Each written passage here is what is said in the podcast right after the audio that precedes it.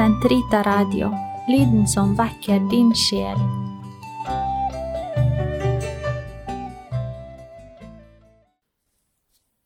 Den katolske kirkes katekisme, uke 30, lørdag 21.74-2179. Herrens dag. Dette er dagen som Herren har gjort, en dag til fryd og til glede. Salme 118, 24. Oppstandelsens dag, den nye skapning.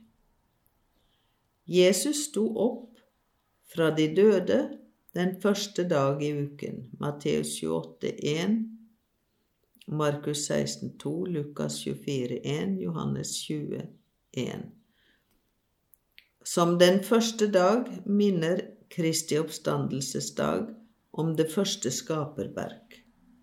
Som den åttende dag, som følger etter sabbaten, betegner den det nye skaperverk som innledes med Kristi oppstandelse. For de kristne er den blitt den første av alle dager, den første av alle fester, Herrens dag, dies dominica, søndagen.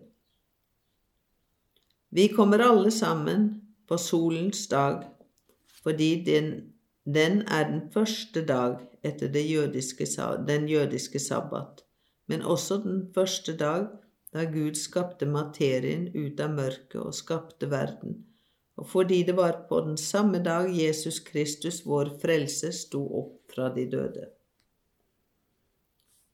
Søndagen, oppfyllelsen av sabbaten. Søndagen skiller seg uttrykkelig fra sabbaten, som den hver uke følger rent kronologisk, og den gudstjenestelige overholdelse av den kommer for kristne i sabbatens sted. I Kristi påske fullender den den jødiske sabbats åndelige sannhet og innvarsler menneskets evige hvile i Gud. For lovens gudstjenesteliv banet vei for Kristi mysterium, og det som der ble gjort, var i seg trekk som viste hen til Kristus.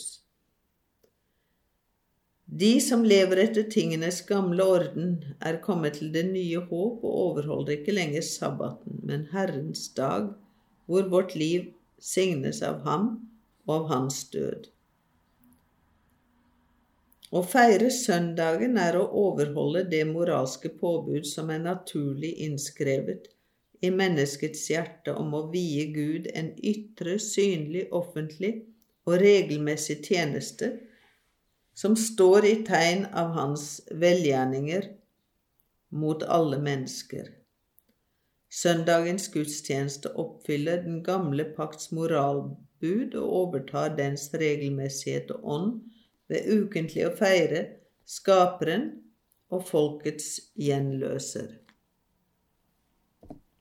Søndagens eukaristi Søndagens feiring av Herrens dag og eukaristi er selve hjertet i kirkens liv. Søndagen hvor påskemysteriet feires etter apostolisk tradisjon, skal i hele kirken overholdes som den opprinnelig påbudte festdag.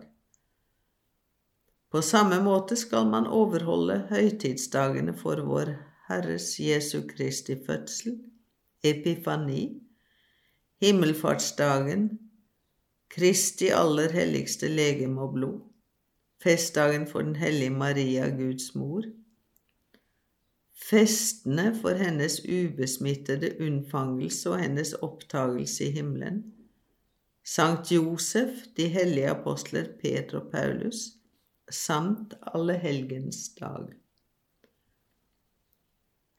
Den kristne skikk å komme sammen søndag stammer fra begynnelsen av den apostoliske tid. Brevet til hebreerne minner om den. La oss ikke svikte vår menighetsforsamling som enkelte gjør, men tvert imot oppmuntre hverandre. Hebreerne 10.25. Tradisjonen har tatt vare på minnet om en formaning som fremdeles er aktuell.